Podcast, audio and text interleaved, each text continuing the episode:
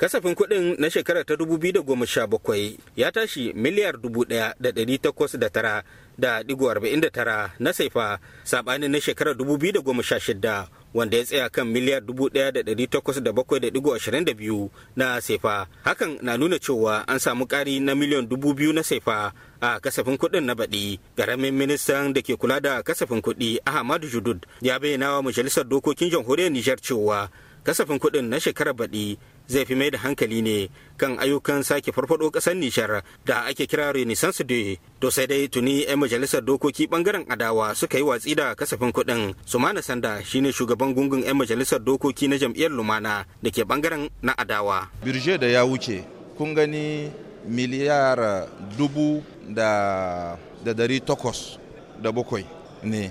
Amma abin da sun tara miliyar dubu da biyar da hamsin da ɗaya kenan kun ga ba a tara kuɗi ba. Amma tun da ana so a nuna ma 'yan kasa kullum mu aiki muke kuɗi ne muna sa sai a zo a gaya muna abin da ba gaskiya ne ba. Kenan mu a ganin mu ko yanzu gidan jiya ne za mu koma. To sai dai a cewar ɗaya daga cikin 'yan majalisar dokoki ɓangaren masu rinjaye adamu na mata. Yana la'akari da maye-mayen alkawullan shugaban ƙasa da premier minister. In kun gane na taka tsamtsam na kenan ba a zure ba amma kuma ba za a komowa ba bisa ga maye-mayen alkawulla na ayyukan za a yi ma ƙasa. Dama an ce muku bidje prevision ce kenan kamar hangen nesa ne. Sai shekara ta ce kada in december ya mutu sa'an nan na za a yi za a yi lisai a yi kasahi abin da an ka samu amma ikat akwai sarwa ko da kwana goma sha biyar nan abu da suna iya su faru. kasafin kuɗin na shekarar ta dubu biyu da goma sha bakwai na hasashen tattara kuɗaɗe na cikin gida da suka kai miliyar dubu ɗaya da saba'in da kai wanda ke nuna cewa an samu ƙari na kashi bakwai da ɗigo tasa'in da uku a cikin ɗari idan aka kwatanta da na shekarar dubu biyu da goma sha shida sannan a ɓangaren kuɗaɗen da za su shigowa daga waje gwamnatin ta nishar na hasashen samun kuɗaɗen da suka kai miliyon dubu ɗari shida shida da goma sha huɗu da 'yan kai. Yusuf abdullahi muryar amurka daga nyamai jamhuriyar nijar.